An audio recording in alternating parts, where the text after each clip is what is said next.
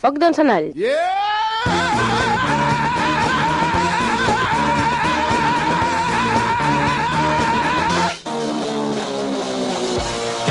Diumenge 16 de febrer de 1997. Bona tarda i benvinguts al Foc d'Encenalls, una història enrebaçada que ni tan sols els que la fem sabem com acaba. Sembla ser que les mobilitzacions han estat les protagonistes d'aquesta setmana, però unes, no unes qualsevol, sinó de gran tonatge. I és que els transportistes han decidit fer vaga per demanar una sèrie de millores. I què és el que ha provocat això? Doncs eh, molts mals de caps a empreses, mestresses de casa, restaurants i un llarg etc, entre els quals hi som nosaltres, perquè no és que hi discrepem per la falta de certs productes de primera necessitat als mercats, no, sinó perquè alguns d'aquests camions també porten receptors de ràdio i si no es venen tampoc ens escolten i això vulguis que no és una cosa molt lletja. El món del setè art continua ben viu amb estrenes, festivals, sex símbols, d'això i d'altres coses en parlarem al Cinema en Flames. No la saps, aquesta? Aquest és el títol del darrer llibre del nostre convidat d'avui. Amb Lluís Permanyer coneixerem una mica més la vida d'aquest país a tall d'anècdotes. Si totes les persones que fan cartes al director sabessin l'ús que en fem després en el foc d'encenalls, potser se'n desdirien, perquè el doctor Julius Smart no té cap mena de mania analitzar-les en profunditat. I feel haunted. Yo, brother, where you gonna go? El periodista Néstor Arranz ens explicarà les desventures que ha hagut de passar durant aquests dies per tenir les darreres notícies i xafarderies del fabulós món dels famosos. Knew Les espurnes d'aquest foc d'encenalls es encendran tres convidats amb nosaltres, Miranda Sandoval, bona tarda i bona hora. Aló. Actriu de Culebrons Sí, de momento, de momento, ¿eh? i amb estat de bona esperança. Pues, pues, pero esto ya está durando demasiado, ¿eh? Amb nosaltres també el senyor Antonio Vinuesa, lampista de Badalona. Bona tarda. Hola. ¿Cómo estamos? ¿Cómo estamos? Molt bé, vostè? Oh, estoy contento ahora, mira. Està content? Sí, porque está ganando el Barça, Sí. cosa importante. Vamos a hablar de cine, cosa que también mola. Y has estado a punto de equivocarte, que también mola. També, oi? Vinga. I saludem finalment el nostre eh, mossèn, Alfons Amadreta, de la parròquia de Sant Joan de Vila Tronada. Bona tarda, mossèn. Bona tarda, Fideu. Com ho tenim, això, avui? Mm, Miri, tenim força coses i variades. Per exemple, eh, començarem, si li sembla, fent una miqueta de boca amb cinema, les 6 i 8.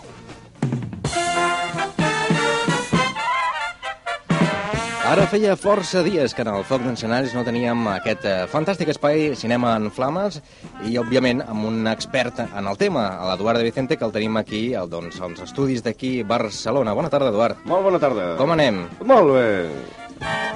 No sé si se'n recorden... Oye, oye, mola la música, pero un montón, ¿eh? Es preciosa esta música, todos aquí ¿eh? bailando y todo. Ah. Precisament l'Antonio Vinuesa, el lampista del programa, ens comentava que aquesta setmana ha estat molt interessat sobre els Premis Goya.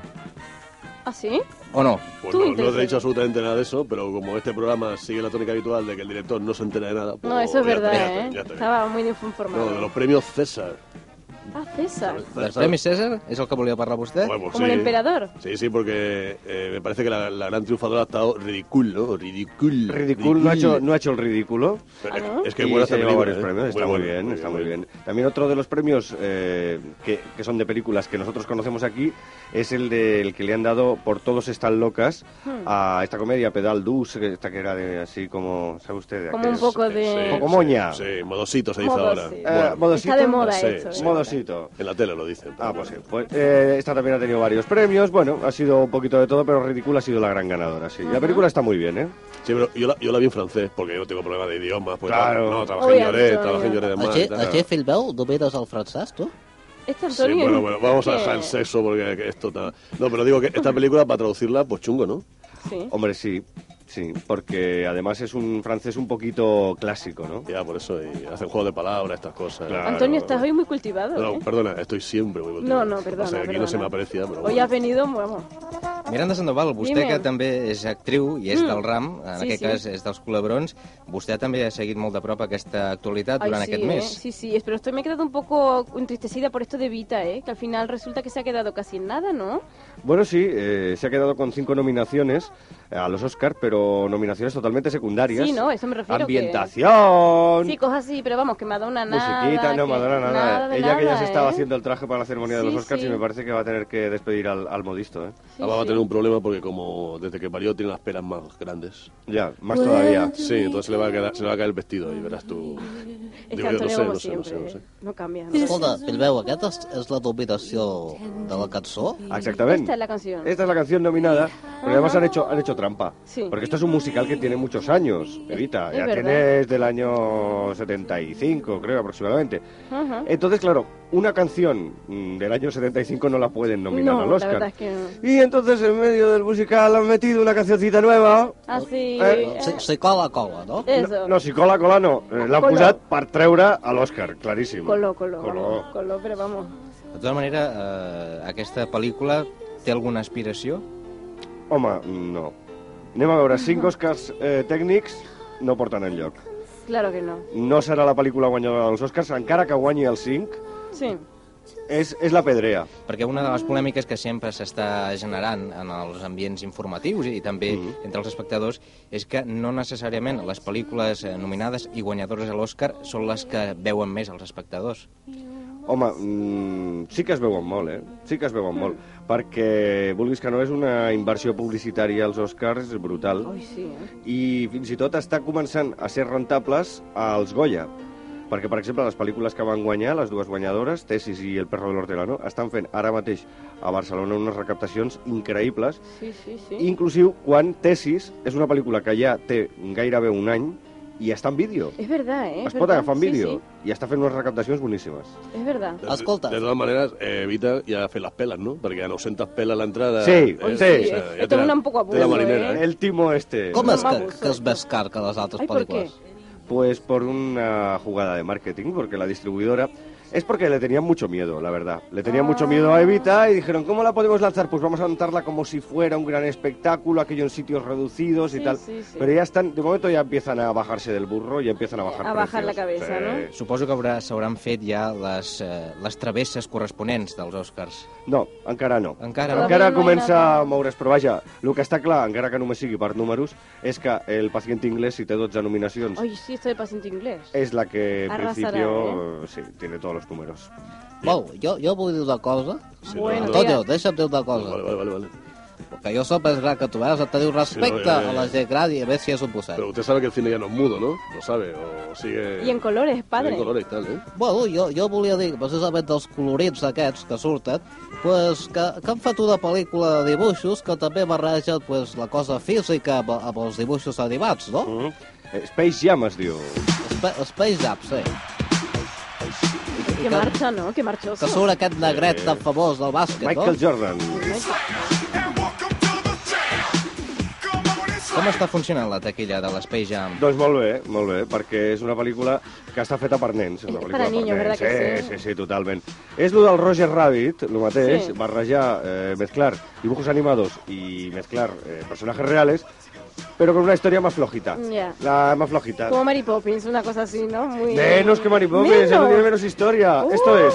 Por cierto, que para dar datos, que a mí me gusta dar datos, Sí. pero ahora que hablamos de dibujos animados, pues este mes de febrero se celebra el 59 aniversario de la primera película Disney, el No White and the Seven Dwarfs. O sea, Blancanieves. Blancanieves. No, o sea, ¿cómo se ha quedado el cuerpo? Bien, ¿no? sorprendida, estoy Muy bien, muy sorprendida, bien. ¿eh? No, hombre, si es que soy... Este hombre es todo datos, Soy el ¿eh? hombre de datos, el hombre de datos. Oye, pero una, una cosa, esto del, del Jordan haciendo de actor, que es como aquí los hermanos Calatrava y hermanos Jobar haciendo películas. o- Hombre, como Schwarzenegger haciendo de actor.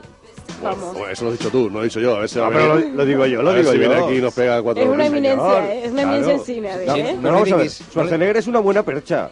Ahora, Uy, sí, un buen actor, Mm, eso ya sería otra cosa. Eso ya es verdad Claro. que sí. Bueno, no le darán el Oscar. Pero hacer una película entera sin mover un músculo de la cara, eso es difícil, ¿no? Eso es Stallone, eso es Stallone. Hace- o que Chuck per Norris. per cert, aquest, el, el Schwarzenegger aquest, No, un el Schwarzenegger aquest, sabíeu que no es pot posar les mans a les butxaques? ¿Y por qué? De, de tanta musculatura que té, Sí. no, no No, li no. permet, no, no. Ah, ¿y ¿Cómo Sí, sabes sí, sí. eso? A si va a ser otra cosa. Lo que tienen los bolsillos. En qualsevol cas, una de, la, doncs, de les altres eh, novetats que tenim és que s'han estrenat forces pel·lícules també durant aquests dies, no? Home, eh, els crítics de cinema, de veritat, que darrerament s'està convertint en una de les professions més sacrificades del món. Diguem que us veuen més en el cinema que a casa vostra, no? Home, doncs sí, perquè mira, per exemple, aquest divendres es van estrenar 10 pel·lícules. ¿Las has visto todas ya? No, Ah, nueve, nueve. ¿Nueve? Nueve. Ay, por eso es esta carita. 9 de 10, sí. Ay, qué carita de cansado. Además, que casi todas son malas. Ah, todas malas Casi todas encima. son malas. Vaya. Uno empieza a las 11 de la mañana en el Icaria y acaba en las sesiones de madrugada. Ah. Escolta, una, una cosa que em volia comentar jo, que és una cosa de conya, a mi la conya m'agrada, Sí. són els premis aquest ioga, no? Ah, sí, sí, que, sí, sí. Que foten aquí a Catalunya els, els catacrics, es diuen, una gent molt, molt de conya, no? Un año más me ha llegado el fax, porque es que esta gente de los Catacrics nadie sabe quiénes son. Sí, esto no lo es había una oído cosa nunca, que ¿eh? llega por fax. Sí, Sí. es un grupo que se llama Catalan Critics. Ah.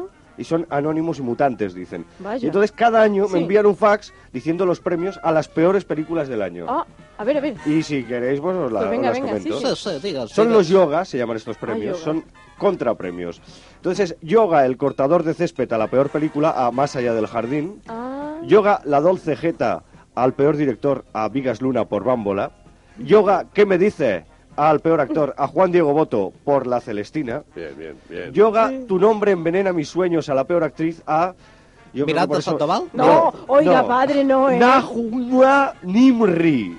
Por pasajes, sí, desde luego el nombre Sí, este, lo- el nombrecito se la trae, ¿eh? Este ¿Ves, día, padre? Este, este día es vasca, ¿no? Por ahí. Sí, Vale, ya. sí. Es la que hace las películas con Calparsoro. Daniel Calparsoro. Salto al vacío y tal. Después en cine extranjero está el yoga Tú ocupa que nosotros limpiamos la cárcel. A la peor película La Roca. El yoga Mamá quiero ser Spielberg, al peor director, a Roland Emmerich por Independence Day. Bien, Yoga bien. Painting for Richard, sin Tom Nixon, al peor actor, a Anthony Hopkins. Ajá. Y yoga, a- este lo va a coger, este va a gustar, a ver, ¿eh? a ver. Yoga abajo el periscopio, a la peor actriz, a Demi Moore por striptease. Pues... Lo ha pillado, lo de abajo el Periscopio, periscopio. abajo periscopio, pero bien además. Esto me Qué gusta. ¿eh? Hoy también hay yogas especiales buenísimos. Por ejemplo, está Yoga el pecador de Formentera, Francesc Bellmunt, ¿te das cuenta? Dice. aquí. És que és un pecador, aquest home. Sí, eh? sí, Sí, sí, sí, sí. Porque como hizo las escenas de la orgía Formentera. Cochino, Después, tío. Yoga no me toques el mito con M. El mito, ¿eh? Que me irrito a los remakes de Diabólicas y Sabrina. Bien hecho. Después este, este me gusta a mí mucho. Este le gusta. Yoga, ¿qué hora es? Que es un título de una película. Sí. A la mirada de Ulises y Underground, que son películas que duraban tres horas. Sí. Tres horas cada una. hacer un esfuerzo para dormirte ya. ahí. Y después esta gente también en un esfuerzo de, de autocrítica, se ve que premian siempre a gente de, de la crítica, ¿no? Y hay el yoga, uno de los nuestros, que este año se ha concedido exequo, el yoga a Wong Fu, gracias por todo, a Antonio Gasset, el realizador del programa Días de Cine. Que tiene tela ese hombre. Tiene tela. ese Sí, hombre. Os dejo ahora con una película que a mí no me gusta, Sí. pero que bueno, que a los, a los, a los bandarras estos que tengo el programa les gusta. El, otro- el otro día dijo que, que para ser feliz hay que tener hijos. eh? dijo. Ho fa bé, ho fa bé, Se hace unas cosas increíbles. Y después hay otro que es más cercano, que es el yoga Perdona Gorina, pero Siches me quería a mí, entre paréntesis, quieto parado un niño. A Alex Gorina. Muy bueno, esto Doncs bueno. hauríem, bueno. hauríem d'anar acabant perquè eh, el nostre temps s'acaba. Yo- Oye, yo tengo más datos si quieres. Bueno, jo també Ai, volia dir una cosa, pesadito. una cosa última també. Bueno, yo digo, días buenas que cumplen años este mes. A La. Drew Barrymore, 22. La Mia Farrow, 52. La Farrah Fawcett, 51. La Jane Seymour, 46. Bueno, y más. El Travolta, para las niñas, pues 43 añitos.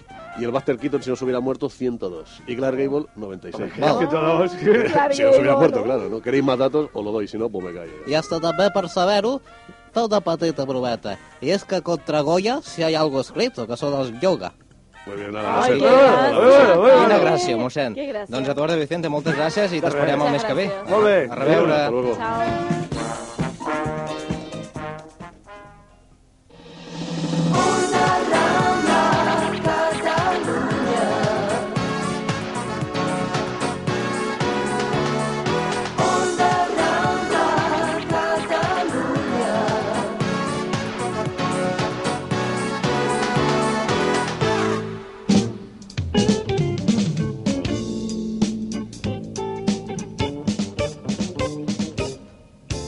Nascut el 1939 a Barcelona, és llicenciat en dret, molt conegut per la seva activitat com a cronista de la ciutat comtal al diari La Vanguardia.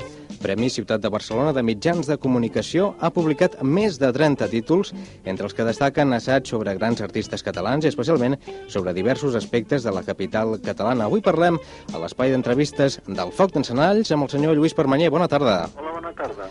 Segons l'enciclopèdia catalana, anècdota significa petit fet particular més o menys curiós d'història o de la vida íntima d'algú. Les anècdotes que apareixen en aquest seu últim llibre tenen un component humorístic important. Són les que tenen potser les, més, les que tenen més acceptació.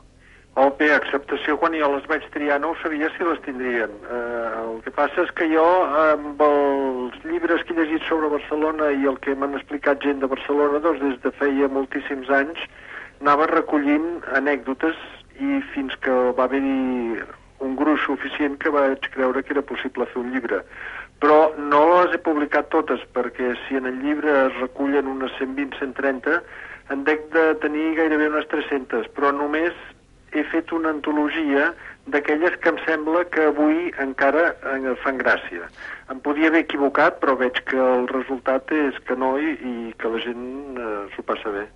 El que està clar és que eh, si una anècdota doncs, fa gràcia, és molt més fàcil que passi de boca en boca. Sí, sí, i això és una mica el que, el que està succeint, no? que els que llegeixen el llibre s'ho passen bé i parlen del llibre dels uns als altres, que és la millor propaganda que pot haver-hi. Senyor Permanyà, li presento amb un lampista de Badalona, que també és un contertulià habitual d'aquest programa, i em sembla que durant la seva etapa professional ha tingut moltes anècdotes, també. Pues sí, sí, senyor Permanya, bona tarda. Hola, bona tarda. Escolti, jo, per la meva feina, pues, eh, conec a molt tipus de gent de, de, de diferents eh, a- estaments, diguéssim, no? Vostè pensa que hi ha algun tipus d'ambient més propici per, per donar-se anècdotes, eh, eh, sa- tant si són eh, humorístiques com si no? Home, jo crec que sí, que era els ambients de l'antiga Bohèmia, que eren bastant propicis per aquest tipus d'anècdotes, perquè de vegades eren provocades per ells per fer alguna facècia de la qual després la gent en parlés, o bé, com que eren el seu estil, gairebé ni se'n donaven compte i, i creaven una situació anecdòtica en, amb absoluta naturalitat. Sí, perquè totes tota aqu- aquelles coses que passaven al voltant de les Rambles i, de, i del restaurant de, de la plaça Reial i tot això, avui en dia és una mica impensable, no? Bueno, és que aquella gent vivia en un altre tipus de vida i això és evident. Eh, llavors hi havia molta gent que vivien, eren professionals de la bohèmia, com per exemple el periodisme d'aquella època, doncs també estava nodrit per gent procedent d'aquests estaments. Avui dia la redacció de La Vanguardia no té res a veure amb el, les redaccions que hi havia als anys 10, 20 i 30. Ara bé, hi ha una altra cosa que ha canviat moltíssim i això és fonamental que és que en aquella època, a part d'haver-hi aquests personatges extravagants i bohemis, hi havia les tertúlies. I la tertúlia actuava de tornaveu de l'anècdota. Si s'havia produït una anècdota a Barcelona, l'endemà, a 5 o 6 o 7 tertúlies, es comentava i allò feia de tornaveu i l'escampava per la ciutat. Avui dia pot haver un personatge extravagant i que després falta el tornaveu. Ara li hem presentat a l'Antonio Vinuesa, li presentem el nostre mossèn de Sant Joan de Vilatronada, que és mossèn Alfons Amadret. Endavant, mossèn. Sí, bona tarda, senyor Perballer. Què tal? Escolti'm, jo he llegit el seu llibre Vol de Taribet i he vist que gran part de les històries que s'hi expliquen són de, de la Barcelona de fa forces anys, no? Per, per què n'ha inclòs tan poques de l'època contemporània? Precisament per lo que estava dient, que n'hi ha moltes menys que abans. Abans l'època era molt més rica que ara. Així, així que la societat d'avui en dia en genera poques. És més espècie municipal. I, I això suposo que no és gaire bo per, per la cultura. Gens, gens, perquè jo crec que precisament un grau de salut d'un país i d'una ciutat és el sentit de l'humor i que generi humor i ironia, perquè és, la, ironia i l'humor crec que és una bona destil·lació de la intel·ligència. Escolta, doncs un dia ja el convidaré quan faci jo la missa a la parròquia, que suposo que allà alguna anècdota deurà trobar, perquè allà tothom, la gent, sempre que faig una missa riu. Escolta, no sé què faig. Escolti, mossèn, malgrat que jo no sóc gaire rosega al tas, si vostè em convida anar a la seva parròquia, faré un acte de voluntat i aniré. Eh? Bueno, més, més que res de contricció, eh? Perquè és una...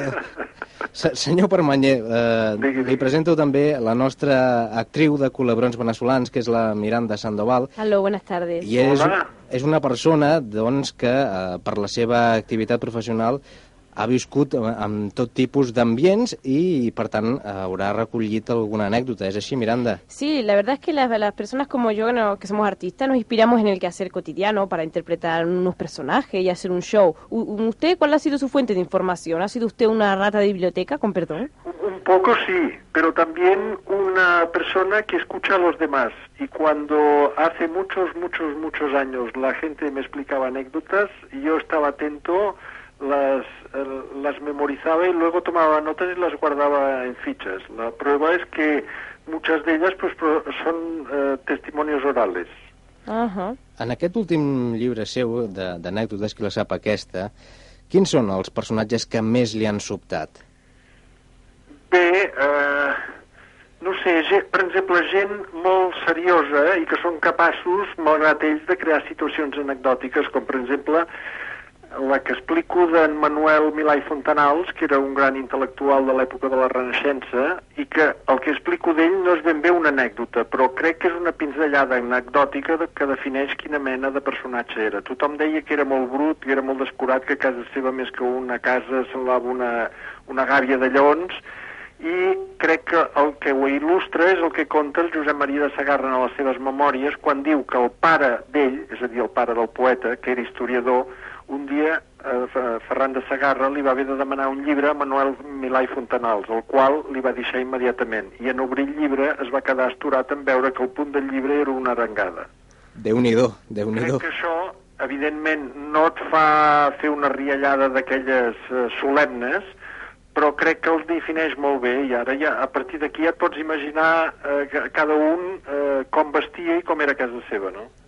Aleshores, és clar, eh, costa imaginar un personatge així, tan seriós i tan saberut, doncs que fos capaç de crear una situació còmica com aquesta, no? O, per exemple, una que li explicaré ara i que no surt en el llibre, Digui'm. que és el doctor Torró. El doctor Torró era el director del Laboratori Municipal d'Higiene i ell no predicava amb l'exemple, però quan ja va estar a les acaballes de la seva vida se li va declarar un càncer en la llengua i el van operar i eh, el cirurgià li va dir que l'operació havia anat molt bé però que per afavorir la cicatrització i el curs de la ferida era molt millor que deixés de fumar i ell era un, un, un eh, fumador empedreït. Vostè creu que va deixar de fumar?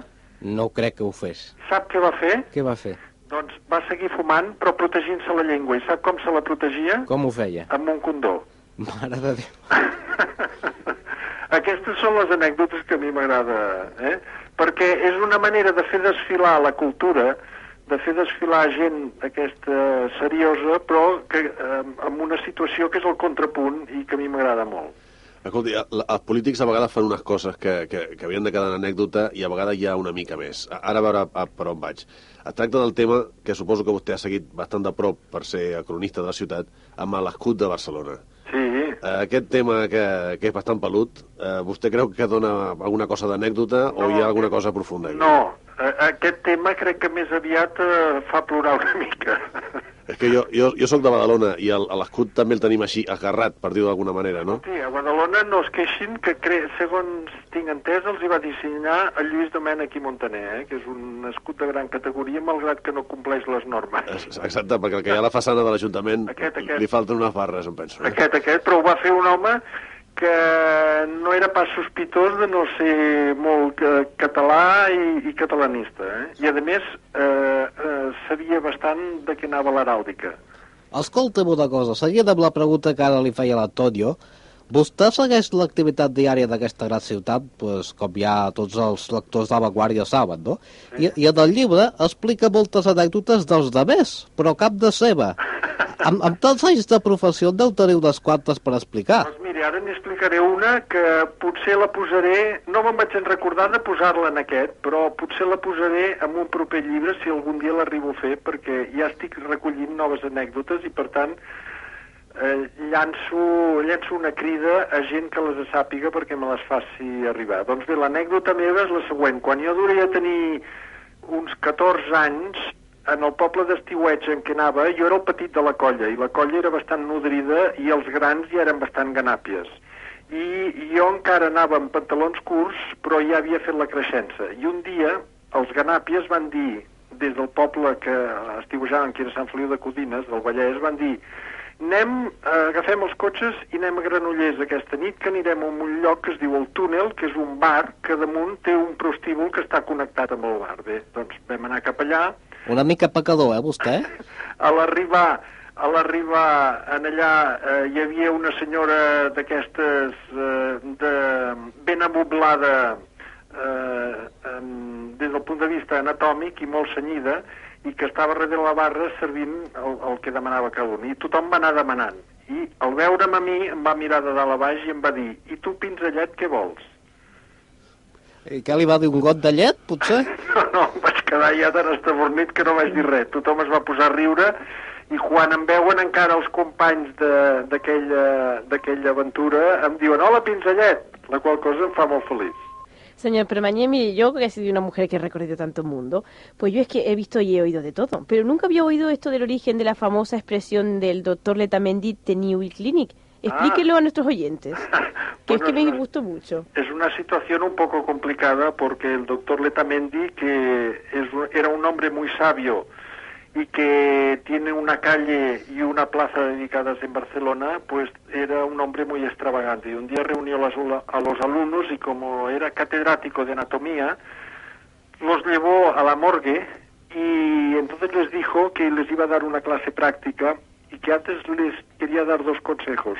Uno, que para ser un gran médico se tenía que tener mucho ojo clínico y segundo, que se tenía que tener una condición natural de resistir la repugnancia. Y acto seguido les dio una clase práctica. Puso uno de los cadáveres en posición de decúbito supino, le introdujo el dedo en el ano y acto seguido eh, un dedo se lo puso en la boca y rogó a los alumnos que hicieran lo mismo que él. Lo hicieron todos y cuando terminó les dio la siguiente nota. Dijo, como ojo clínico, tengo que decir, perdón, como eh, eh, actitud de ustedes para ve- vencer la repugnancia, les tengo que dar sobresaliente. Pero como ojo clínico les tengo que suspender, porque ustedes no se fijaron con la suficiente atención mientras yo hacía la demostración que me ponía el índice, ponía el índice en el ano, pero en cambio el anular en la boca. Fíjate, ¿eh? Qué cosa. Déu-n'hi-do. Se- Senyor Lluís Permanyer, És creu, increïble. creu realment que eh, en les anècdotes hi ha sempre un tant per cent d'exageració i un altre de veracitat? Depèn, perquè poden haver-hi anècdotes en què no hi hagi gens d'exageració, eh?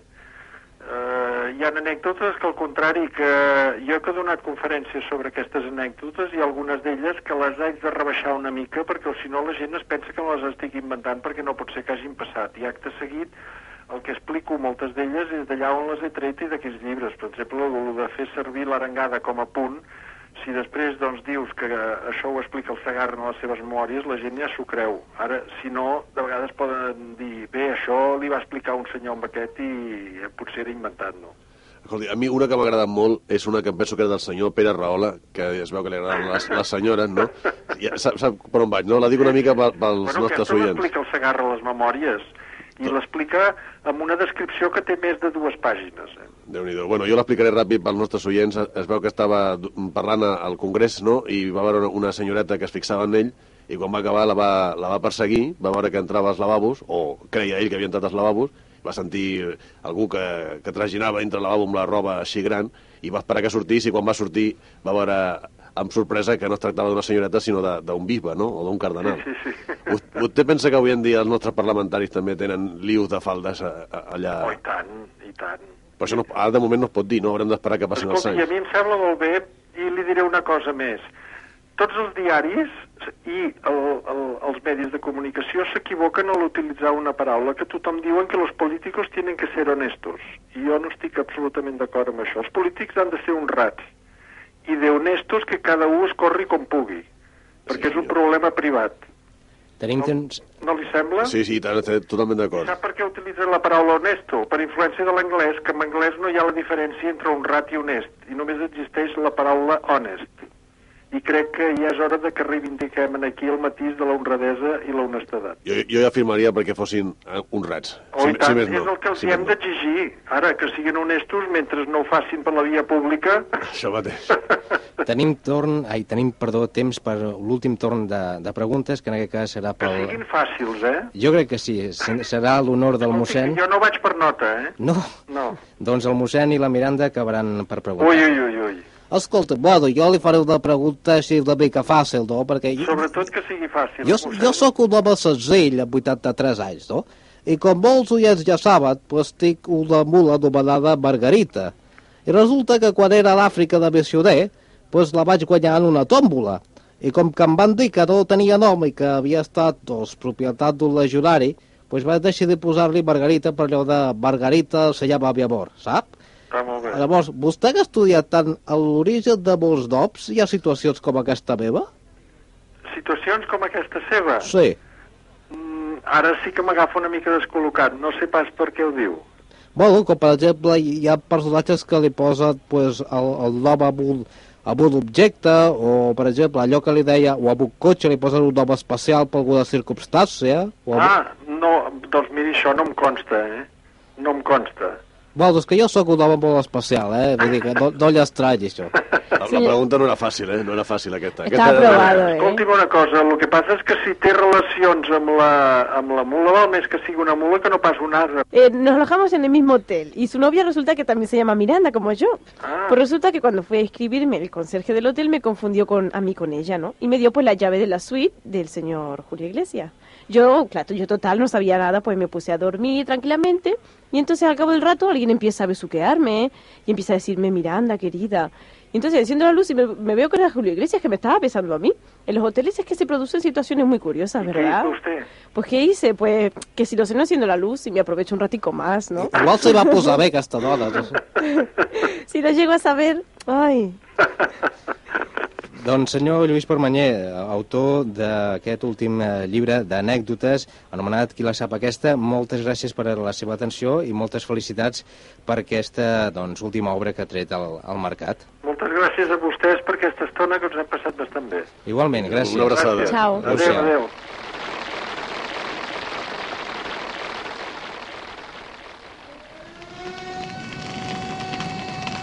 ¡Socorro, fuego! Cotxe central, cotxe central, canvi. Aquí central, quin és el problema? Canvi. No és possible controlar les flames, canvi. ¿Qué es eso? Una cosa sobre les flames.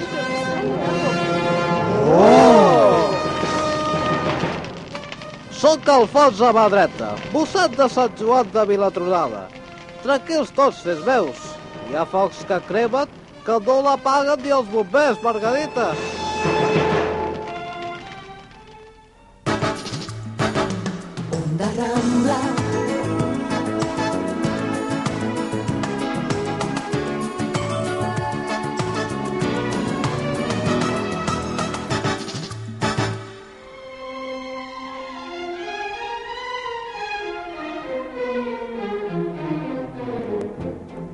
Sempre estem contents de tenir la presència de tota una autoritat eh, intel·lectual en aquest programa. Ara mateix falten 8 minuts perquè siguin 3 quarts de 7 de la tarda i saludem el doctor Julius Esmar. Bona tarda.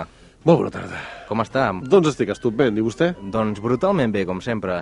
Avui tenim una carta al director. Avui tenim una carteta, una carteta al director del periòdico, que va, va arribar fa, un, ja, fa, ja fa uns quants dies, però que és una carta molt bonica, com a carta, diguéssim. És molt bonic, és una mena de conte, molt ben explicat, molt bonic, entre un pare i un fill, i que a mi em va encantar com a història. Eh? Com a historieta, perfecte. Ara, si entrem, Entrem en detalls. si entrem, eh? m'entén, oi? Sí, sí, sí, sí. L si li sembla bé, la vaig a llegir i, eh, i entrem. Em sembla. Em se- li sembla, no?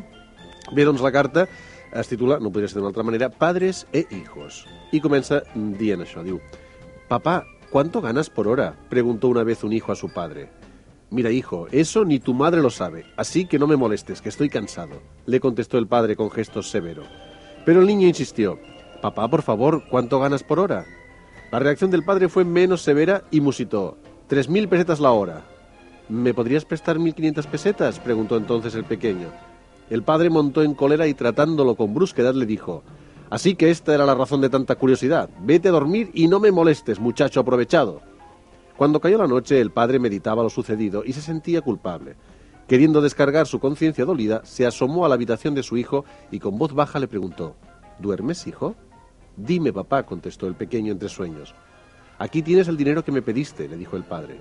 Gracias, papá, dijo el pequeño mientras metía su mano debajo de la almohada y sacaba algunos billetes. Ahora ya lo he completado. Tengo tres mil pesetas. ¿me podrías vender una hora de tu tiempo?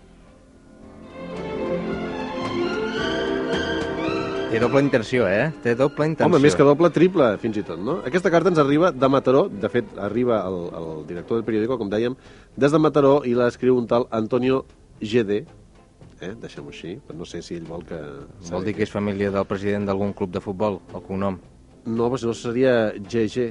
Sí, també, Eh? també té raó. GD, GD. Bé, aquesta carta. Què passa amb aquesta carta? Doncs és un conte molt bonic, com deia, amb un final inesperat. Tothom pensa què passarà, no? El nen potser vol diners doncs, per comprar-se eh, caramels o per comprar-se una nina inflable o qual- qualsevol cosa d'aquestes. que Hauria de ser un, un nen una mica precoç, eh? Bueno, és doctor? que no, sa- no sabem No, no. quina edat tenia el nen, no? Vull dir, no sé si aquest ha estat el seu cas, però no, no, generalitzi tant amb, amb no, la gent. No, no, no, no, no. Quan jo tenia l'edat d'aquest xaval, el més eròtic que havia era la Nancy de famosa, oi? I tampoc d'allò. És que els anys no perdonen. No perdonen. Bé, doncs jo calculo que per la, per la intenció íntima d'aquesta carta, aquest, eh, aquest noi no és un nen petit, sinó és un adolescent, eh? posem quinceañero, com es diu normalment, no? I eh, ara explicarem aquesta bonica paràbola, perquè això és com una paràbola. Ah, que, que maca aquesta paraula. Sap la paràbola de, de l'Evangeli? Sí. Eh, quan anàvem a l'escola que ens confoníem perquè ens parlaven de paràbola a la classe de religió i de paràbola a la classe de matemàtiques. Exactament. I no sabíem per on anaven els trets. I després veiem el futbol i deien la bonita paràbola, etc. Bueno, doncs això és una paràbola, és un conte, i ens explica què passa aquí. Per què ho fa tot això? Doncs, encara que la carta no ho diu... No Perquè hi ha una apunta, finalitat. Exacte. Avui en dia, aquest món eh, estressat, tothom va de bòlit, amunt i avall, doncs hi ha poca comunicació entre pares i fills. Hi ha poca comunicació, no es parlen els pares i els fills. Jo aquí el que veig, eh, doctor, és que aquest fill mm, és un fill competitiu, d'aquests que en el futur segur que serà un executiu agressiu. Ah, això sí, això sí, el, el, el xaval va per la pela, vull dir, ja, ja s'ho fa bé. Però la finalitat última és parlar amb el seu pare. Llavors, com vol parlar una hora amb el seu pare i no sap què fer, doncs necessita diners, no? I és la manera d'aconseguir, ella té 1.500 pessetes, que segurament li va donar la padrina per la palma, més o menys, o li van portar els reis, o, o, o, el, o el ratoncito Pérez, quan li va caure la, els queixals. Ell ho guardava sota del coixí, lleig, això de guardar diners sota el coixí, lleig, després fa pudor, Hi, hi ha gent que ho guarda a la faixa, hi ha gent que guarda la faixa, el mitjó i, i, i fins i tot més endintre, diguéssim, no? Però bueno, això ja és un altre tema. Doncs eh, el, el noiet aquest volia una hora pel seu pare, llavors creu que això és una, una maniobra, preguntar-li quan guanya i eh, De tota manera, aquí, aquí hi ha una frase, una resposta del pare que em sembla doncs, prou significativa, i és que li diu que ni tan sols la, la seva dona, o sigui, la mare del nen, ho sap. Això és lleig. Això és absolutament, és lletjíssim. I llavors, aquí hi ha dues coses, no? Diu, ni tu madre lo sabe, correcte, perquè és la mare del nen, no? Però clar, eh, bueno, no, ara anava a dir jo que, que era fill de la mare, segur que era fill d'ell, ja és un altre tema, no? És com aquell nen que li diu papà i li dona una bufetada per mentider, m'entén, no? Bueno, no crec que sigui el cas. El nen vol parlar amb el pare i, i passa això de les peles. Llavors, en aquesta carta es veuen preguntes molt típiques, no? Primer això de preguntar quants diners guanyes a l'hora. És una pregunta... Escolti, els nens sempre tenen curiositat per Els aquestes nens d'avui en dia diuen això. No, d'avui en dia i d'ahir, i d'ahir en dia també, no? Però això era un tabú, no es podia saber quants diners hi havia a casa, no? Quan guanyes, tot això era lleig. De tota manera, pel, pel, que podem, pel que hem sentit i hem pogut llegir, aquest nen és prou considerat ja que només li demana la meitat del que guanya. Sí, perquè l'altra meitat ja dit que li havia donat la tieta eh, per la palma. Que si no, li demana les 3.000 peles, no... Poca broma aquí, no? I després una altra pregunta absurda és la que fa el pare quan entra a l'habitació i li pregunta ¿Duermes, hijo? Aquestes són les preguntes més absurdes que, es- que fan els humans quan volen parlar amb una altra persona que suposen que està dormint. Perquè si realment estigués dormint, doncs no li contestaria. Exactament. Eh? Llavors ells pregunten, no? Dorms? I l'altre, a vegades... dir, fins i tot pot estar roncant i li pregunta, Sí, dorms? sí, sí, però encara és més absurd quan l'altre contesta sí. Exacte. No, no rigui, perquè això passa, eh? Dorms i diu sí.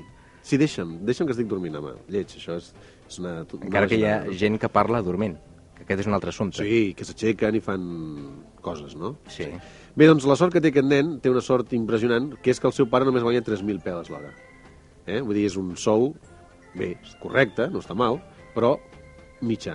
Eh? Pensa que hi ha gent, professions liberals, com ara presentadors de programes de etcètera, que guanyen molts diners a l'hora. Vull dir, fins a 100.000 pessetes o més. El que, el que passa és que alguns no ho noten. Bueno, alguns no ho noten, però el fet és, és un fet, no? Sí, sí, sí. sí. És un fet fefaent. És maca aquesta paraula. Sí, no? molt, molt. Doncs eh, imagini's que, que el pare li diu guanyo 200.000 peles. què hagués fet aquest nen? Quants anys hauria trigat en reunir peseta a peseta, com aquell anunci de que es comprava un abric de visor per comprar una hora de temps del seu pare? Exacte. És trist, això. De tota manera, aquí eh, em sembla observar, i ja anem acabant, doctor, i és que eh, el pare en un primer moment se'n malfia, i, li, i fins i tot li diu que és un aprofitat. Sí, perquè es pensa que és com per com dir, jo et diré el preu i tu, el que guanyo i tu em demanaràs la meitat, no? Segur que el pare tira la baixa, vull dir, no deuen ser 3.000, deuen ser més, no? El que passa és que eh, els fills i a Hisenda sempre s'inten- s'intenta enganyar una mica, no?, amb això de les peles, però clar, ell no es podia imaginar el trist final de, de, del fill que li fa aquesta cosa que li tira per la cara i ja està, perquè m'estic posant molt nerviós. Sigui com sigui, doctor, sembla ser que a, a aquest pare la consciència finalment doncs, li fa canviar el parer Sí, i sí. cedeix, cedeix a les Cedeix. pressions. Tot i que no sap la finalitat eh, real del nen, eh? Acabem, doncs, amb la moralina del nen. Home, la moralina del nen i la moralina de la carta és que, mm, com diuen els castellans, quien con niños se acuesta, mojado se levanta. M'entén què vull dir? O... Això s'ha documentat bé. Sí, sí, sí, sí. Eh, En qüestió de pixoms. Molt bé, doncs amb aquestes últimes paraules del doctor Julius Esmar, doctor en investigació analítica per ú- últimes paraules per avui. Per avui. Ah, No el matarem, no, el matarem no, encara. Ja estava ja a punt d'escriure una carta al director Doncs del acomiadem el doctor Julius Esmar, com dèiem, és doctor en investigació analítica per la Universitat de Pensilvània. Ara mateix, tres quarts de set. Seguim.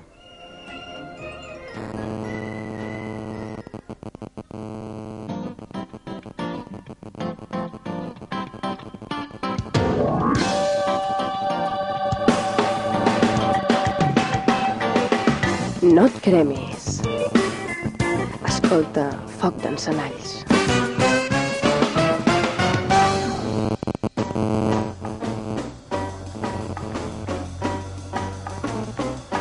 És un periodista corrosiu amb llengua viperina. No sé si la llengua també hi porta un preservatiu. Bona tarda, doctor. Perdó, doctor encara no ho és en No, no, periodisme. igual, és igual, puede decirme, doctor, Però- si quiere, no, però no sí- importa, no Te importa. Però sí, confundiste, senyor- te confundiste. Senyor Néstor Arranz, ay. és que tenen un, un, cert aire, eh, que se sembla una que, mica, eh? que, que has estado a punto de equivocarte muchas veces y al final Sí, has caído. eh. Has caído. Ai. Com anem? Este, yo esto, estoy estupendamente, ¿sigue usted? Doncs miri, brutalment bé, com ja li deia fa un moment al doctor Juli Esmar. Aquesta setmana dèiem que vostè ha tingut eh, força feina a, doncs, a recapitular tota una sèrie de notícies sobre aquest món de la Jet Set. No, no, no, yo, yo todas las semanas tengo muchísimo trabajo, ¿no? Lo que pasa es que cuando llego aquí, pues eh, no, No se, no- no se ¿no? nota, porque claro, ustedes no me dejan hablar, estas, las cosas se quedan a medias, entonces no puedo hablar de ninguna noticia, ni ninguna cosita. Entonces, Bueno, pues nos callaremos. vamos a empezar, a ver si es verdad, a ver si es verdad, si se callan, entonces me dejan hablar, ¿no? Esta semana vamos a empezar con una noticia de, de la semana pasada, imagínense qué pena, ¿no? La semana pasada la teníamos aquí apuntada y no la pudimos decir, ¿no? Entonces, trata de- Escolta, vostès que no deu haver fet els deures, eh? Es por eso. Ha no fet es els por deures esto. i llavors diu que... Pretenden las Sí, noticias sí, que sí. ya sabemos de sobradamente, porque una Bueno, semana sí, ya sí, nos, sí, sí. Bueno, nos ha dado tiempo. vamos a ¿eh? ver, vamos a ver. La noticia seguramente la saben, ¿no? Sí, porque por poco que, que lean ustedes, que no sé ni si saben leer, ¿no? Pero esto se ha sabido. Entonces se trata de la elección de Miss España, ¿no? La nueva Miss España. Bueno, esto claro que lo sabemos. Bueno, es una chiquita. ¿Usted sabe cuántos años tiene Miss España? Pues eh, bueno, un poquito menos que yo. Pero nada, eh, casi nada, casi nada. Tiene 21 taquitos. ¿Ves, ves? És una nena. Eh, eh, entonces, Jovencísima. es- está bien, correcta, la respuesta es eh, acertada, 21 añitos. ¿Y las medidas? ¿Ustedes saben las medidas? Pues casi como yo, también. Bueno, bueno, bueno. Les bueno. medides de què? ¿Qué te voy a saber usted? ¿El pecho, la cintura y la corporales, cadera, no? ¿Usted lo sabe, padre? O... Usted Jo? sabe las mías, que se las dije el otro día. Sí, ¿Recuerda? Però allò era veritat o era una fal·làcia? Hombre, usted lo puede ver.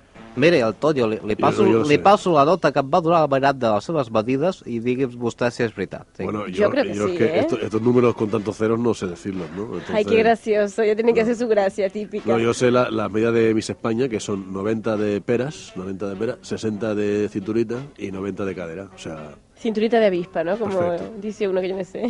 I què va, què va? ¿no? Entonces, además mide, mide 1 un metro 78 centímetros, ¿no? Y es eh, una, una vizcaína morena preciosa que se llama Inés Sanz, ¿no? Doncs aquesta Inés Sant no estava gaire convençuda d'aconseguir el títol. Bueno, la verdad es que no confiaba mucho en, en ella misma, ¿no? Entonces dice que por la mañana cuando, cuando estuvo pues eh, sometiéndose al, al test, a las preguntas que le hace el jurado, que por cierto dice que el eh, jurado certificó que no tenía la, celulitis. La, la Rocío Jurado? No, No. La, la Rocío Jurado no. El Ya jurado, despistar, el seguro. jurado de, de- de este, de este concurso de Miss España, ¿no? Sí. Pues eh, dice que, le, que, que eso, que certificaron que, que tenía ausencia de celulitis en las piernas, ¿no? No sé cómo lo hicieron, si se pasaron la mano o alguna cosita de Ah, estas, ¿no? sí. Entonces dice que, que mm, bueno, eh, miraron eh, a ver si sabía expresarse con la palabra precisa, gesto adecuado, ademán discreto, sencillez, o sea, una, una cosa un poquito Fíjate así, tú, ¿no? oye.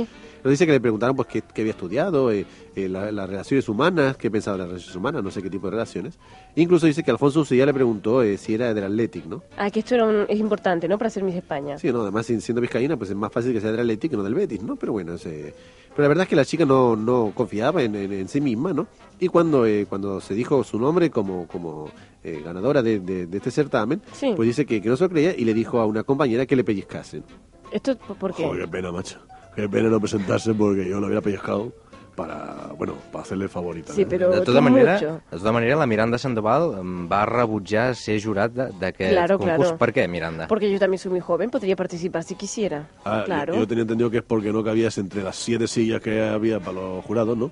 Pues es mentira que, que te esto, salía ¿eh? por los laterales. Antonio, o sea, Marco, este señor, yo creo que es que no hace falta que venga más. O potser que n'és el oculista. Pues sí, también, también. ¿no? No, yo no sé por qué la defiendes, pero bueno, es igual. Sus motivos tendrá. Seguim, Arranz. Este sí, eh, yo quería eh, también eh, una cosa eh, curiosa que se ha hecho, ha salido reflejado en los medios de, de información, es que una de las eh, de, la- de los miembros del jurado de, de este festival, eh, de este concurso, era una señorita de 29 años que se llama Verónica Alcázar, que es licenciada en ciencias políticas, ¿no? Sí. Y que ella se, se proclama feminista, ¿no? Entonces parece mentira que una persona feminista pues eh, esté en, una, en, un, en un, eh, concurso de este tipo eh, que siempre es criticado, ¿no? De, de machista, de usar a la mujer como, como un objeto y esas cosas, ¿no? Pero la verdad es que ella está muy muy contenta de, haber ejercido eso y dice que una cosa de la que, que es eh, que la gente, o sea, es muy mentirosa y tiene una doble moral y que, por ejemplo, el anuncio este de, de, de donde se ve esta señora, que del cual se ha hablado en este programa, ¿no? El de las peras. La casalla- Sí, el de los pechos con la- el la- niño. Las vergollas. Sí, pues eh, esta señorita Alcázar dice que esto no es eh, vejatorio para la mujer, que, que lo que sería eh, una cosa así eh, falsa sería si pusieran a un niño eh, moreno, porque el que hay es, es rubito, ¿no? Como si fuera de- del Sí, norte de Europa, sí, sí. y que la madre eh, tuviera las tetas caídas, ¿no? Que entonces se quejarían. Te imaginas, esto es un, un poco de mal gusto, ¿no? Ya, Además- pues sí, Además lo dijo así como... Escolta'm una cosa, Ras. Vostè, que és un home en teoria ben informat, és veritat que aquest cantant és blanquet ha tingut un fillet? Ay, sí, es verdad, Pues Michael es verdad. Jackson. Bueno, no ha sido él, ha sido su esposa la que lo tuvo, ¿no? Porque de todas maneras de Michael Jackson se puede esperar cualquier cosa, ¿no? Pues si fue capaz de... Pero ya se sabe de- si el niño es blanco o negro o qué. ¿Lo Pues sabes es, tú? es un secreto, es un secreto que no se sabe si el niño es blanco, si es negro, si es café con leche. ¿Puedo, puedo si es decir mi si es opinión? Sí, yo bueno, creo que es que no lo ha dicho. Yo creo que es que no lo ha, no ha mostrado fotos ni ha dicho si es blanco o es negro, porque yo creo que le habrá salido mulatico.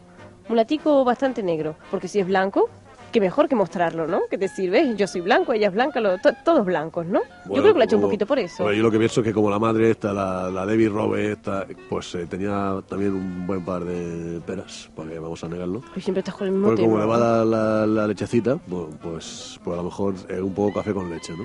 I allò, Arranz, que havien dit que el Michael Jackson doncs, ja no vivia fins i tot, no cohabitava amb la infermera, Bueno, es que cohabitar, cohabitar, creo que solamente le- fue un ratillo, ¿eh? Solamente cohabitó un ratito y unas luego horas, se fue. ¿no? Si, se- si ustedes recuerdan, cuando en el pasado mes de noviembre se casaron en, en Sydney, que nosotros aquí eh, comentamos el tema, eh, estuvo un momentito en la habitación con, con, eh, con la, con la chica esta, con la Debbie, y se fue corriendo al zoo, ¿no? A ver a las serpientes pitón y esas cosas que a él le gustan mucho, y con niños, ¿no? Que él sabe que le gustan los niños, ¿no? Claro, por eso que Ya que veremos es qué pasa con, con, su, con su niñito, ¿no? Escolta, jo aquesta setmana he llegit una cosa que, que ja sabíem.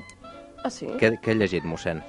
Bueno, que he llegit que la Miranda ja estava prenyada de Julio Iglesias. Sí, pero no soy yo, ¿eh? Que no? Porque es que ha habido una confusión muy grande con este tema. Aviam, aviam perquè aclarim, perquè vostè fa un... Clar, doncs fa, clar, fa, claro, poc, claro. fa pocs minuts ha dit que va tenir una anècdota amb un hotel Sí, amb el Julio sí, sí, Iglesias. sí, sí, y, y de hecho estoy embarazada, pero el padre, bueno, ya llevo reivindicando yo mis meses diciendo quién es, ¿no? No hace falta que te mire, Marcos, pero bueno, Pero bueno, el tema es este, pero- que no es el padre de Julio Iglesias, Pero tú que eres es como- la otra Miranda. Tú eres como los elefantes, ¿no? Que estás aquí 200 años aquí, ¿o qué?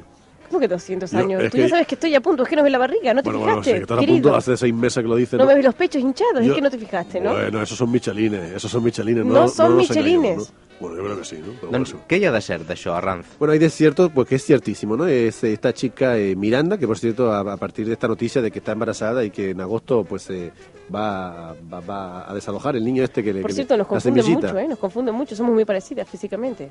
Escolti, i, i si és la Mirat de Sandoval, com es diu aquesta? Pues eh, lo es lo que le iba a decir, ¿no? Que esta chica, eh, todo el mundo le decía Miranda, ¿no? Miranda, Miranda para aquí, Miranda para allí. Entonces eh, no se sabía muy bien su apellido y parece que a partir de, de- de este, de este evento, pues eh, se ha descubierto su apellido y que tiene un nombre como de, de cadena de, de comida rápida, ¿no? Porque se llama Risburger. o sigui, Ah, la, la Miranda hamburguesera. Exactamente, sí, una cosa Sí, así. una ¿no? cosa así, una cosa Risburger, muy O sea, rara. ris de, ris de reírse y burger de hamburguesa, ¿no? Bueno, Entonces, bueno, la, la verdad es que, que Julito, pues eh, se ve que empezó a cantar eso de me va, me va, me va, y se fue, y entonces la dejó embarazada. Y entonces, pues eh, parece que para el mes de, de agosto, más o menos, pues va, van a tener este bebé, pero eh, a pesar de eso, no piensan casarse de momento. ya. Escolti, Oye, ja- háblanos de la Sartorius, porque esto es espera. un bombazo esto. Ja, ja fa temps, no?, que es coneixen aquests, el Julio Iglesias i la ¿Cómo, Miranda cómo dices? ¿Que se conocen o que se codean? Dijo. ¿Que escudechan? Dijo. ¿O Que. Sí, bueno, sí, sí. Hace pues eh, Años seis, ya, seis ¿eh? años, seis años cinco hace seis que, años, sí, sí. que comparten las sábanas de satén y esas cosas, ¿no? Además eh, es curioso porque dice dice Julio que, que no puede vivir sin, sin Miranda y que es una es una compañera estupenda porque cuando se tiene que callar se calla y que le hace las veces de ayuda de cámara porque le ayuda a ponerse la ropa. ¿Te Ah. imaginas a, a Miranda poniéndole lo- los gallumbos a, a, a Julio Iglesias, ¿no? Poniéndole esos zapatitos rojos tan ridículos que lleva. I la relació dels fills de Julio Iglesias amb la Miranda, què tal? ¿Conmigo? No, No, con su no. mujer. Ah, Ah, bueno, claro. sí, sí, no es que... Cállate, tío. Pero ¿Qué? ¿cómo que calle? Oye, pero ¿cómo que me calle? Pero si soy la estrella de este programa, ¿cómo me voy a Pero, o, sea, callar? o sea, tú con los hijos de Julio Iglesias, ¿no? Pero sí, pues sí, somos muy amigos todos. Sí, con eh, este, el de la experiencia religiosa, ¿no? Claro, claro. Arranz, es muy posi, joven, posi pero... una mica de pau No no puedo paretat. poner pa- Yo estoy aquí, escuche, yo ni pinto nada, o sea, es que una cosa increíble. Es porten bé, doncs, els fills del Julio Iglesias amb la Miranda, aquesta hamburguesera que diu el mossèn? Bueno, eh, yo creo que la verdad es que tienen un poco de, de- de- de- de envidia, ¿no? Porque imagínese, eh, el- el- el- los niños de, de- de Julio con Isabel, eh, pues tienen eh, 23 y 21 años, ¿no? Entonces son muchísimo más jóvenes que, que, que Miranda, incluso la, la, la, la Chabel, ¿no? pero tienen una edad parecida, ¿no? Entonces yo creo Ujú. que en el fondo pues le gustaría eh, que su papá les dejara a la, a la chiquita esta para ir a, de discoteca y esas cosas, ¿no? I això que deia la Miranda Sandoval, que tenim aquí a l'estudi, què hi ha de cert sobre la notícia del casament i futur eh? Bombazo no lo sé, pero bombo sí, va a ser un bombo porque ya lo lleva bien puesto. Es eh, Isabel Sartorio, que ustedes saben que se casó la semana pasada, ¿no? Después Sí. de, Escolta, de- escolta, Sí. es va penalti? Bueno, más que de penalti, de gol, Mm, de gol completo. de- eh, sí, yo creo porque, que sí, ¿eh? Porque le va a hacer la competencia a Miranda Risburger y va a tener a su bebé pues también para las mismas fechas aproximadamente. Esto ¿no? sigue, ¿eh? Cada vez, venga, más embarazo. Pues exactamente, se casó eh, hace una semana con, eh, con un economista de, de Jerez eh, que se llama Javier Soto Fitzjames Stewart. Uy, Es muy Dios bonito mío. este, este nombre, ¿no? Y se casaron en Londres de una forma así discreta y ella está embarazada y, y bueno, no Y sé. nada, que se casan, está, ¿no? Y se casaron y no. 32 Y que el príncipe estará triste, seguro. Ho deia No, no sé, no sé si está triste o no, porque la verdad es que hay, ya sabe que están siguen los comentarios del príncipe, con ahora con una, ahora con otra, una italiana. o- Ay, eso son habladurías, ¿no? Entonces, bueno, pues no sé. Por cierto, hablando de embarazos y, y de- y desalojos de embarazos, eh, no dijimos tampoco que Ariadna Gil pues ya tuvo a su bebé y con esto pues se acaba la lista interminable que empezamos hace Ay, pues sí, hace un ¿eh? año, ¿no? Si quieren les recuerdo Venga, un poco repasa, sí, los nombres. repaso, eh, un empezamos repaso. con no, Melanie. No, no s'ha acabat perquè la Mirat de Bueno, sí, claro, claro, No, es ya, pero estoy hablando de- estoy hablando de- será el colofón. Yo ya. estoy hablando de famosas, ¿no? Ento- no, Perdona, no, eh, no de actrices de eh, tres al cuarto y esas cosas, ¿no? Bueno, Pues decía que si quieren que recordemos la lista, pues empezó Melanie Griffith, siguió eh, Rosario Flores, Julia Otero, Carmen Morales, Rosito, Madonna, que también nos obsequió con una criatura bellísima, eh, Ariana, Ariana Gil, como decíamos, Belinda Washington y, y Ana Duato y toda esta gente, ¿no? O sea, o todas, sea, un todas, montón, un todas. montón Solo de... falto yo. Per cert, eh, com a concloure, vostè que segueix habitualment també, doncs, eh, senyor Néstor Arranz, la televisió, sembla ser que la Belinda Washington ha estrenat fa pocs dies i avui Sí, mateix sí, també sí. s'està fent un programa de televisió. Lo i tienen que estar haciendo ahora, ¿no? Fins i tot aquest eh, actor, el Francis Lorenzo, ha estrenat també Efecto Ay, F. Qué guapo es Sí, Francis exactamente, está, Lorenzo, está ¿eh? la televisión estrenando cositas, eh, espera, a la espera de que, de que Isabel eh, Gemio vuelva muy pronto con su programita de sorpresa, sorpresa otra vez. Menuda sorpresa nos dio, ¿eh? Y sí, Como un está- sorpresón lo y está- y suyo. tenemos ahora el efecto F este, que para mí es una, una especie de mezcla de cosas raras entre sorpresa, sorpresa, Mississippi. A mi no de dir. Y, A y- mí el presentador me chifla, ¿eh? Eh, eh, bueno, yo creo que una mena de còpia del Mississippi, ¿Cómo no? te va a Es chiflar? ¿Cómo te va a chiflar si ya está chiflada? Vamos a ver. ¿Esto qué? Bueno, ya está. Llevas un rato no callado y iba bien el programa. No, es que no me gusta hablar en esta sección. bien el bueno, programa. en fin. Este, bueno, pues eh, yo me voy. Eh, de- Vostès eh, en baix ens anem tots Ah, perquè sí, ja. ja, ja és hora d'acomiadar-nos. por, por cierto, que dice Fergie dice que no puede parar, pero que se saldrá de todo esto. Havia de sortir la Sí, Fergie, sí, bueno, eh? La Fergie tenía que salir, Es que me llamó hace un rato y me lo dijo, ¿no? Molt bé, doncs Miranda Sandoval, Vinga, gràcies ciao. per venir. Cuidis. Sí, sí. També l'Antonio Vinuesa, adeu-siau. Yo también me cuido, ¿no? Vostè no No, cal. no hace falta. Vale, vale. El senyor Arrand ja no cal que tampoc es cuidi, no bueno, sé si... bueno, pá- págame el cheque, por favor. I perfecte, doncs acomiadem també a, a mossèn Alfons a mà dreta abans que se'ns adormi. Adéu-siau, mossèn. Adéu, fill meu. Fins aquí el Foc d'Encenalls, un programa d'humor i gatzada que cada diumenge els acompanya amb un únic objectiu, combatre l'avorriment a través d'unes veus, unes músiques i una ràdio. Ferran Royo a les vies de so, Maite Vila i Lluís Jiménez a la producció, Alicia Garcia i Carles Soler a les veus i aquest que els ha parlat com sempre, amb molt de gust, Marc Bilbeny. Ens retrobarem diumenge que ve, a la mateixa hora, a la mateixa emissora i fins i tot des del mateix país. Adéu-siau, bona tarda.